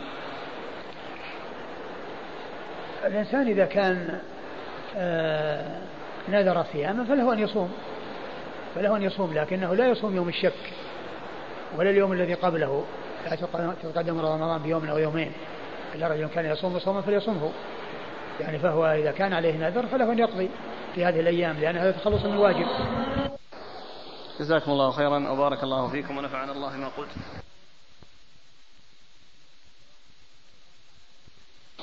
بسم الله الرحمن الرحيم. الحمد لله رب العالمين والصلاة والسلام على عبد الله ورسوله نبينا محمد وعلى آله وصحبه أجمعين. أما بعد قال الإمام أبو داود السجستاني رحمه الله تعالى باب الأكل في آنية أهل الكتاب. قال حدثنا عثمان بن أبي شيبة قال حدثنا عبد الأعلى وإسماعيل عن برد بن سنان عن عطاء عن جابر رضي الله عنه أنه قال كنا نغزو مع رسول الله صلى الله عليه وآله وسلم فنصيب من آنية المشركين وأسقيتهم فنستمتع بها فلا يعيب ذلك عليهم. بسم الله الرحمن الرحيم. الحمد لله رب العالمين وصلى الله وسلم وبارك على عبده ورسوله نبينا محمد وعلى آله وأصحابه أجمعين أما بعد. فيقول الإمام أبو داود السجستاني رحمه الله تعالى باب في أنية أهل الكتاب. المقصود من ذلك استعمال آنية الكفار وسواء كانوا أهل كتاب أو غير كتاب. والحكم فيها أنه إذا استغني عنها ووجد ما يغني عنها فإنه يستعمل وإن لم يوجد فإنها تغسل وتستعمل. وهذا في الشيء الذي استعملوه. وأما الشيء الذي لم يستعمل كالأشياء الجديدة والأواني التي آه، تأتي يعني ترد منهم وهي يعني آه، جديدة لم تكن محل استعمال فإن هذه لا يلزم غسلها. وإنما الذي يلزم غسله هو الذي عرف أنهم استعملوه. وأنها آنية مستعملة هم استعملوها فإنها تغسل لأن لأنهم لا يتنزهون من النجاسات فإذا غسلت يكون حصل الاطمئنان إلى أنها استعملت وهي نظيفة وهي طيبة ليس ليس فيها من شيء من النجاسات التي كانوا آه، يستعملونها. قد أورد أبو داود حديث جابر رضي الله عنه أنهم كانوا يغزون مع النبي صلى الله عليه وسلم فيصيبون من أنية المشركين ف آه، في إيش قال؟ فنصيب من آية المشركين وأسقيتهم فنستمتع بها فلا يعيب ذلك عليهم. فنصيب من آنية المشركين وأسقيتهم الأسقية جمع السقاء و آه، فيستمتعون بها ولا يعيب ذلك النبي عليه الصلاة والسلام عليهم وهذا الذي فيه من الإطلاق مقيد بما جاء في الحديث الذي بعده من أن أنهم إن وجدوا غيرها فإنهم يستعملون ذلك الذي هو غيرها مما لم يكن من أنيتهم وإن لم يجدوا إلا هي فإنهم يغسلونها ويستعملونها. فإذا يكون هذا الحكم الذي في هذا الحديث المطلق المطلق الذي هنا مقيد بما جاء في الحديث المفصل الذي يدل على أنهم إن لم يجدوا إلا هي وأنهم يحتاجوا إلى استعمالها فإنهم يغسلونها ثم يستعملونها. نعم. قال حدثنا عثمان بن أبي شيبة. عثمان بن أبي شيبة ثقة أخرج له أصحاب الكتب الستة إلا الترمذي وإلا النسائي فقد أخرج له في عمل اليوم والليلة عن عبد الأعلى. عبد الأعلى بن عبد الأعلى ثقة أخرج له أصحاب الكتب الستة. وإسماعيل. وإسماعيل هو بن عليا ثقة أخرج له أصحاب الكتب الستة. عن برد بن سنان. عن برد بن سنان وهو صدوق. أخرج له البخاري في المفرد وأصحاب السنن. أخرجه البخاري في المفرد وأصحاب السنن. عن عطاء. عطاء بن أبي رباح المكي ثقة أخرج له أصحاب الكتب الستة. عن جابر بن عبد الله الأنصاري رضي الله عنهما الصحابي الجليل وهو أحد السبعة المعروفين بكثرة الحديث عن النبي صلى الله عليه وسلم. قال حدثنا نصر بن عاصم قال حدثنا محمد بن شعيب قال أخبرنا عبد الله بن علاء بن زبر عن أبي عبيد الله مسلم بن مشكم عن أبي ثعلبة الخشني رضي الله عنه أنه سأل رسول الله صلى الله عليه وآله وسلم قال إنا نجاور أهل الكتاب وهم يطبخون في قدورهم الخنزير ويشربون في آنيتهم الخمر. فقال رسول الله صلى الله عليه وآله وسلم إن وجدتم غيرها فكلوا فيها واشربوا وإن لم تجدوا غيرها فارحضوها بالماء وكلوا واشربوا. ثم ورد أبو داود حديث أبي ثعلبة الخشني جرثوم بن ناشر رضي الله عنه أنه قال إن للنبي صلى الله عليه وسلم إنا كنا نجاور قوما أهل الكتاب. أو نعم. إن نجاور أهل الكتاب. نجاور قوما أهل الكتاب ف وهم يستعملون في آه، آنيتهم لحم الخنزير ويعني يشربون فيها الخمر. ف يعني هل نستعملها؟ قال إن وجدتم غيرها فاشربوا يعني وكلوا فيها يعني في ذلك الغير الذي هو غير آنية الكفار. إن وجدتم غيرها فاستعملوا ذلك الغير الذي آه، هو من من أوانيكم. وإن لم تجدوا إلا هي فارحضوها يعني اغسلوها واشربوا فيها وكلوا. اغسلوها واشربوا فيها وكلوا. فهذا يبين لنا أن استعمال آنية المشركين أي المستعملة عندهم أي التي استعملوها. أما ما يرد عنده ما يرد منهم من أواني كثيرة آه، آه، معبأة بأكياس أو بأوعية وهي جديدة يعني خرجت من مكان التصنيع وجاءت فهذه لا يحتاج إلى غسلها لأن الذي يغسل هو الذي يستعمل فيه تلك الأمور المحرمة التي هي من النجاسات. فهي آه، التي تحتاج إلى أن تغسل وأما الشيء الذي يأتي وهو جديد ونظيف ولم يستعمل فإنه لا يحتاج إلى غسل. نعم. ولم تجدوا غيرها فارحضوها. ارحضوها يعني اغسلوها. قال حدثنا نصر بن عاصم. نصر بن عاصم هو لين الحديث أخرجه أبو داود. لين الحديث أخرجه أبو داود. عن محمد بن شعيب. عن محمد بن شعيب بن شابور وهو صدوق أخرجه أصحاب السنن. أخرجه أصحاب السنن. عن عبد الله بن العلاء بن زبر. عن عبد الله بن العلاء بن زبر وهو ثقة أخرج له البخاري وأصحاب السنن. البخاري وأصحاب السنن. عن عن أبي عبيد الله مسلم بن مشكم. عن أبي عبيد الله مسلم, مسلم مشكم وهو ثقة.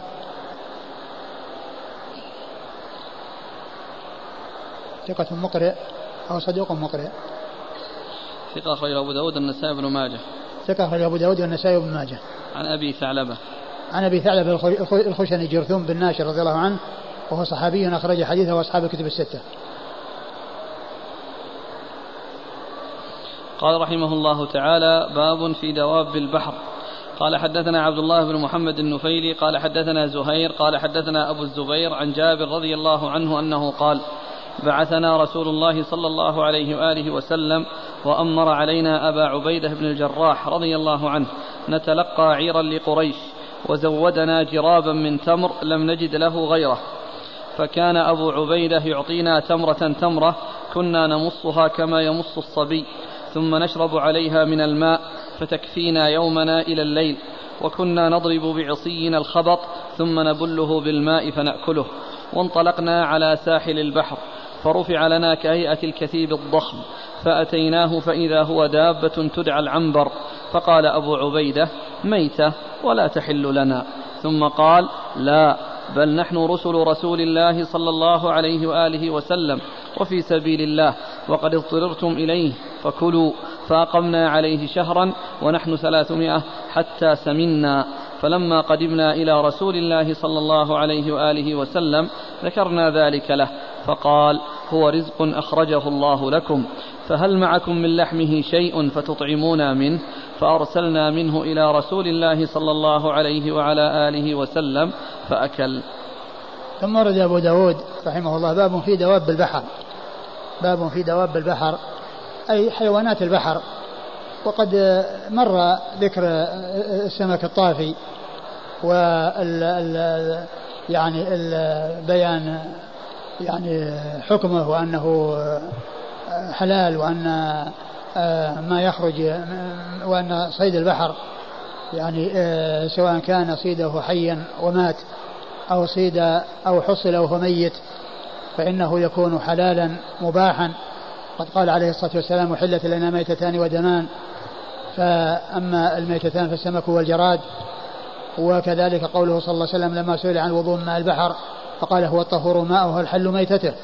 فهذا يعني عام في كل ما جاء أو كل ما يعني يخرج من البحر فإنه مباح إلا أن يأتي يعني شيء يدل على ذلك أو يعرف أن بعض الدواب يعني يكون فيها ضرر ويتحقق بأن فيها ضرر فإنها تترك من أجل الضرر الذي يعرف أنه فيها وإلا فإن الأصل هو الحل آه، في كل شيء. وقد ذكر بعض أهل العلم أنه يستثنى من ذلك الضفادع التي آه، تعيش في الماء آه، وقد جاء النهي عن قتلها والنهي عن قتلها يدل على أنها ليست بحلال. والأصل هو حل ما يخرج من البحر إلا ما دل دليل على عدم آه، استعماله و آه، أو آه، عرف بالتجربة أن شيئا منه يكون ضارا فإن فإنه يترك من أجل الضرر. وقد أورد أبو داود حديث جابر بن عبد الله الأنصاري رضي الله تعالى عنهما أنه قال كنا في سرية مع أبي عبيدة بن الجراح وكان هو أميرهم والنبي صلى الله عليه وسلم أرسلهم لاعتراض عير لقريش والعير هي الإبل التي عليها الأحمال.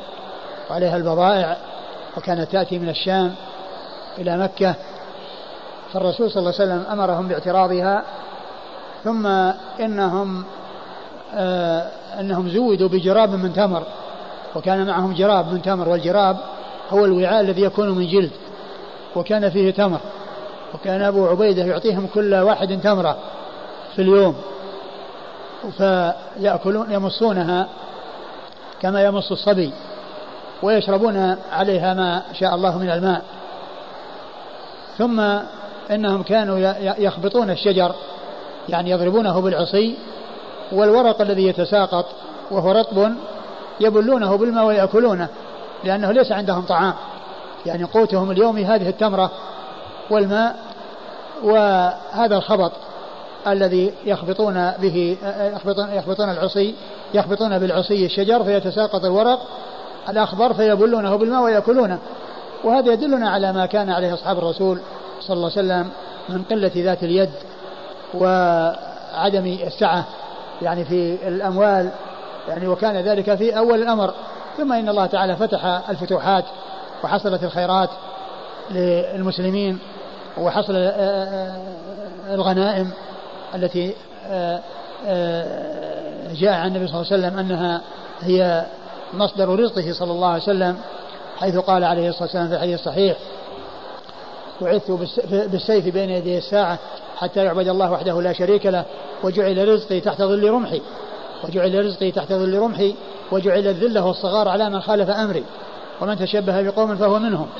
فقوله صلى الله عليه وسلم وجعل رزقي تحت ظل رمحي يعني هذا في بيان أن قوت الرسول وأن يعني ما الرسول صلى الله عليه وسلم إنما هو من الغنائم. أي من الخمس الذي آه، هو خمس الغنيمة. ثم إنهم وجدوا أو لما ذهبوا يعني إلى سيف البحر وإلى ساحل البحر وجدوا يعني كهيئة التل الكثيب الكثيب يعني التل من الرمل الذي يرى من بعد يعني آه، مرتفع وهو محدودب لأن له أعلاه. يعني آه، بارز وله جوانب يعني تنحدر يعني شيئا فشيء. ولما وصلوا إليه وإذا آه، حوت يقال له العنبر دابة كبيرة. فقال أبو عبيدة ميتة. وقد حرم الله علينا أكل الميتة. ثم قال لا بل نحن أصحاب رسول الله صلى الله عليه وسلم ونحن يعني في سبيل الله آه، فاجتهد في الأول ورأى أن يتركها ثم اجتهد مرة أخرى فرأى أن يستعملوها يستعملوها وجلسوا عليها شهرا, شهرا يأكلون حتى سمنوا وكانوا ثلاثمائة وهي دابة واحدة وكان مما ذكروا أو مما جاء في الحديث الصحيح في قصتها أنهم أن أن أن أنهم وضعوا ضلعين من أضلاعها فمر الراكب على بعيره وهو راكب على البعير من بين الأضلاع لضخامتها ول وكذلك يعني عينها أو المكان الذي فيه العين نزل فيه عدد من الرجال نزلوا في هذه الحفرة التي تكون فيها العين. فهي دابة عظيمة من دواب البحر أخرجها الله عز وجل لهم وأكلوا منها وكان قوتهم تمرة واحدة مع خبط مع ورق الشجر الذي يخبطونه. ثم إن الله رزقهم هذا الرزق العظيم الكبير حتى سمنوا وأخذوا منه إلى المدينة. ولما جاءوا إلى الرسول صلى الله عليه وسلم وأخبروه يعني آه، أقرهم وقال هذا رزق ساقه الله إليكم. فهل معكم منه شيء تزودونه؟ فأرسلوا منه إليه صلى الله عليه وسلم. والرسول عليه الصلاة والسلام إنما سأل هذا ليطيب خواطرهم ليطيب خواطرهم في أنه حل حلال وأنه مباح. وأنه ليس فيه به بأس. وهذا نظير ما سبق أن مر بنا في قصة آه، آه، آه، الجعل الذي أخذوه على الرقية واللديغ الذي لم يضيفوهم ولدغ سيدهم وأنهم بحثوا عنه أي علاج فلم يحصلوا وأنهم سألوهم الرقية فرقاه واحد منهم ثم أعطوهم جعلا وتحرجوا في أكله وقال عليه الصلاة والسلام اضربوا لي معكم بسهم. يعني قال ذلك من أجل أن يطيب خواطرهم في حل ذلك الشيء الذي توقفوا فيه والذي ترددوا فيه. فمشاركة النبي صلى الله عليه وسلم إياهم في هذا في هذا الحديث الذي معنا وكذلك الحديث السابق إنما هو من أجل آه، تطيب خواطرهم وأن آه، يطمئنوا إلى أن هذا الشيء الذي فعلوه أنه مباح وأنه حلال لأن الرسول الكريم صلى الله عليه وسلم أكل منه أو آه، شاركهم في الأكل منه صلوات الله وسلامه وبركاته عليه. نعم أعد الحديث. قال جابر رضي الله عنه بعثنا رسول الله صلى الله عليه وسلم وأمر علينا أبا عبيدة بن الجراح نتلقى عيرا لقريش وزودنا جرابا من تمر. لم نجد له غيره. فكان أبو عبيدة يعطينا تمرة تمرة كنا نمصها كما يمص الصبي ثم نشرب عليها من الماء فتكفينا يومنا إلى الليل وكنا نضرب بعصينا الخبط ثم نبله بالماء فنأكله. نعم. خبط. الخبط الشجر. يعني آه يعني يضربون آه الشجر فيتساقط الورق فيجمعون هذا الورق المتساقط بضرب العصا ثم يبلونه بالماء ويأكلونه. وانطلقنا على ساحل البحر فرفع لنا كهيئة الكثيب الضخم فأتيناه فإذا هو دابة تدعى العنبر. رفع لنا يعني رأينا من بعد يعني هذا هذه الهيئة هذا الشكل الذي على هيئة التل المرتفع التل من الرمال. المرتفع وكأنها يعني لونها أحمر لأن الرمال يعني لونها أحمر فكونها على هيئة التل ما قال على هيئة الجبل الصغير أو هيئة ال يعني يعني شيء من أسماء الجبال التي تختلف وإنما قال هيئة التل يعني معناه كأنها لونها أحمر. نعم. فقال أبو عبيدة ميتة ولا تحل لنا. ثم قال لا بل نحن رسل رسول الله صلى الله عليه وسلم وفي سبيل الله وقد اضطررتم إليه فكلوا. نعم. هذا يعني دون علمه بأن ميتة البحر حلال. لا, لا شك لأنهم يعني ما ما عندهم علم بهذا. فإن كان كذا نعم. فإن كان كذلك كيف يعني استمتعوا بها هذه المدة مع أنهم يعلمون أن الميتة لا تحل إلا والاضطرار لا بس يعني لأنهم هم مضطرين يعني لأنهم ما عندهم طعام. يعني ما عندهم طعام كل يوم ما عندهم إلا هذا. يعني ما عندهم شيء يأكلون بدلها. قوله وقد سمنا هذا يدل على نعم يعني معناه جالسين شهر هم يأكلون منه. طيب ما عندهم قوت يعني يأكلون تراب؟ ما ما لكن يأكلون القليل الذي يسد رمقهم. بس القليل ال ال هو هو رأى يعني باجتهاده أنها مباح لهم وانه وأنها مباحه لهم. وبعدين كأنهم جلسوا شهر وهم 300 يعني 300 يعني عدل يعني تموين شهر ل 300 من هذا من هذا الدواب. يعني يمكن أن أنهم أكلوا يعني آه، أكلا يعني سمنوا به يعني يختلف عن التمرة التي كانوا يأكلونها مع الخبط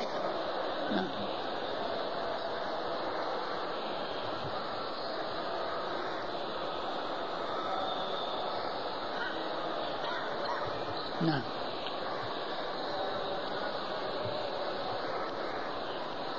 فاقمنا عليه شهرا ونحن ثلاثمائة حتى سمنا فلما قدمنا إلى رسول الله صلى الله عليه وسلم ذكرنا ذلك له فقال هو رزق أخرجه الله لكم فهل معكم من لحمه شيء فتطعمون منه؟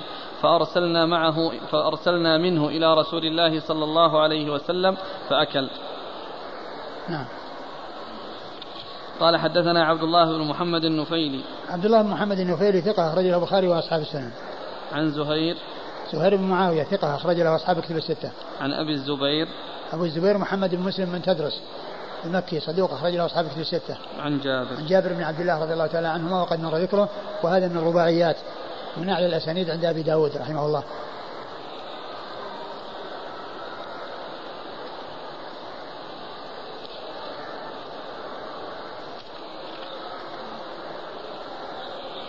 بقاءها لمدة شهر مع عدم الفساد. هذا طبيعي أو كرامة تعتبر؟ كما هو معلوم يعني آه ما أكلوها فاسدة وإنما أكلوها وهي سليمة. يعني لا شك وأيضا يعني ذهبوا بها إلى المدينة ذهبوا بها إلى المدينة وما حصل فسادها. لو كانت فسدت وأنتنت ما أكلوها. يعني ممكن يقال هذه كرامة يمكن أن يقال كرامة أو أن الوقت يعني كان فيه وقت بارد شديد البرودة.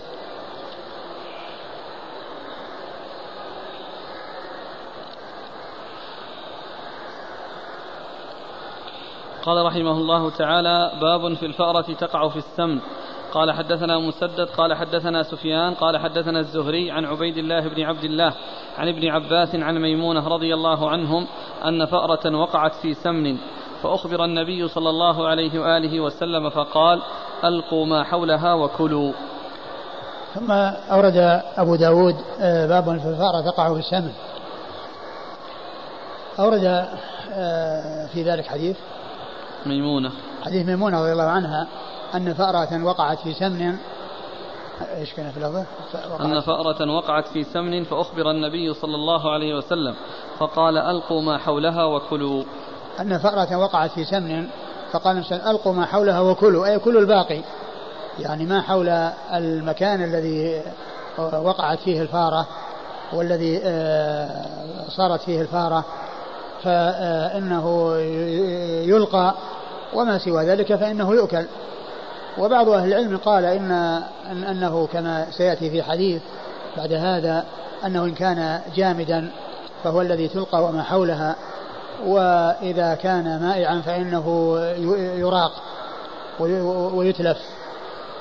ولكن هذا الحديث مطلق ولم يقيد فيه يعني جامدا من غيره. قالوا والحديث الذي بعده يعني فيه كلام من ناحية الثبوت وإن كان يعني آه، ظاهره الصحة ولكن تكلم تكلم فيه العلماء المحدثون وقالوا أن المعتمد هو رواية آه، عبيد الله بن عبد الله عن عن عن عن ميمونة رضي الله تعالى عنها أم المؤمنين وأن آه، وأنها تلقى وما حولها سواء كان مائعا أو أو جامدا. بخلاف الحديث الذي سيأتي بعد هذا وهو الذي يفرق بين الجامد وغيره. والحديث الذي آه، سيأتي آه، سنده ظاهره الصحة ولكن تكلم فيه العلماء واعتبروه خطأ وأنه آه، وأن المعتمد والمحفوظ هو ما جاء من طريق عبيد الله الذي هو هذه الطريقة الأولى التي معنا والتي هي مجملة وليس فيها تفصيل. نعم. ألقوا ما حولها وكلوا. وكلوا الباقي يعني. سواء كان سائلا نعم. مائعا أو نعم مائعا أو غير سائل نعم. يعني ما يعطى حكم الماء إذا وقعت فيه النجاسة إن كان قليلا آه. ينجسه وإن كان أكثر من قلتين. هو آه نعم هو فيما يتعلق بالنجاسة إذا وقع فيه إذا وقعت فيه تؤثر فيه. لكن الرسول صلى الله عليه وسلم أمر بأن يلقى ما حوله وأن يؤكل الباقي. لأنه وإن كان سائلا إلا أن النجاسة إنما هي عند حولها لأنها ما ما دام أنها في مكان مثلا في كان مكان مرتفع ولم تصل إلى إلى أسفل معنى ذلك أن أن النجاسة إنما هي في المكان القريب وليست عامة في الجميع لأنه ليس من جنس الماء لأن الماء وإن كان السمن وإن كان سائلا إلا أنه مو آه، يعني مثل الماء في الخفة يعني فيه كثافة اللي هو السمن بخلاف الماء. نعم. قال حدثنا مسدد. آه مسدد بن مسرهد ثقة أخرجه البخاري وأبو داود والترمذي والنسائي. عن سفيان عن سفيان سفيان هو بن عيينة ثقة أخرجه أصحاب كتب الستة. عن الزهري ومحمد بن مسلم بن عبيد الله بن شهاب ثقة أخرجه أصحاب كتب الستة. عن عبيد الله بن عبد الله. عن عبيد الله بن عبد الله بن عتبة بن مسعود وهو ثقة فقيه أحد فقهاء المدينة السبعة في عصر التابعين وحديثه أخرجه أصحاب كتب الستة. عن جابر بن عبد الله وقد مر ذكره. عن عبيد الله بن عبد الله عن ابن عباس عن ميمونة. عن, عن ابن عباس عن عبيد الله بن عبد الله عن ابن عباس ابن عباس ابن عبد الله بن عبد الله بن عباس بن عبد المطلب ابن عم النبي صلى الله عليه وسلم وأحد العباد الأربعة من الصحابة وأحد السبع المعروفين بكثرة الحديث عن النبي صلى الله عليه وسلم. عن ميمونة أم المؤمنين رضي الله تعالى عنها وأرضاها آه، وحديثها أخرجه أصحاب الكتب الستة.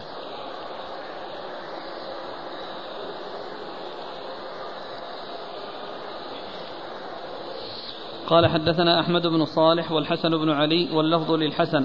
قال حدثنا عبد الرزاق قال أخبرنا معمر عن الزهري عن سعيد بن المسيب عن أبي هريرة رضي الله عنه أنه قال قال رسول الله صلى الله عليه وآله وسلم إذا وقعت الفأرة في السمن فإن كان جامدا فألقوها وما حولها وإن كان مائعا فلا تقربوه.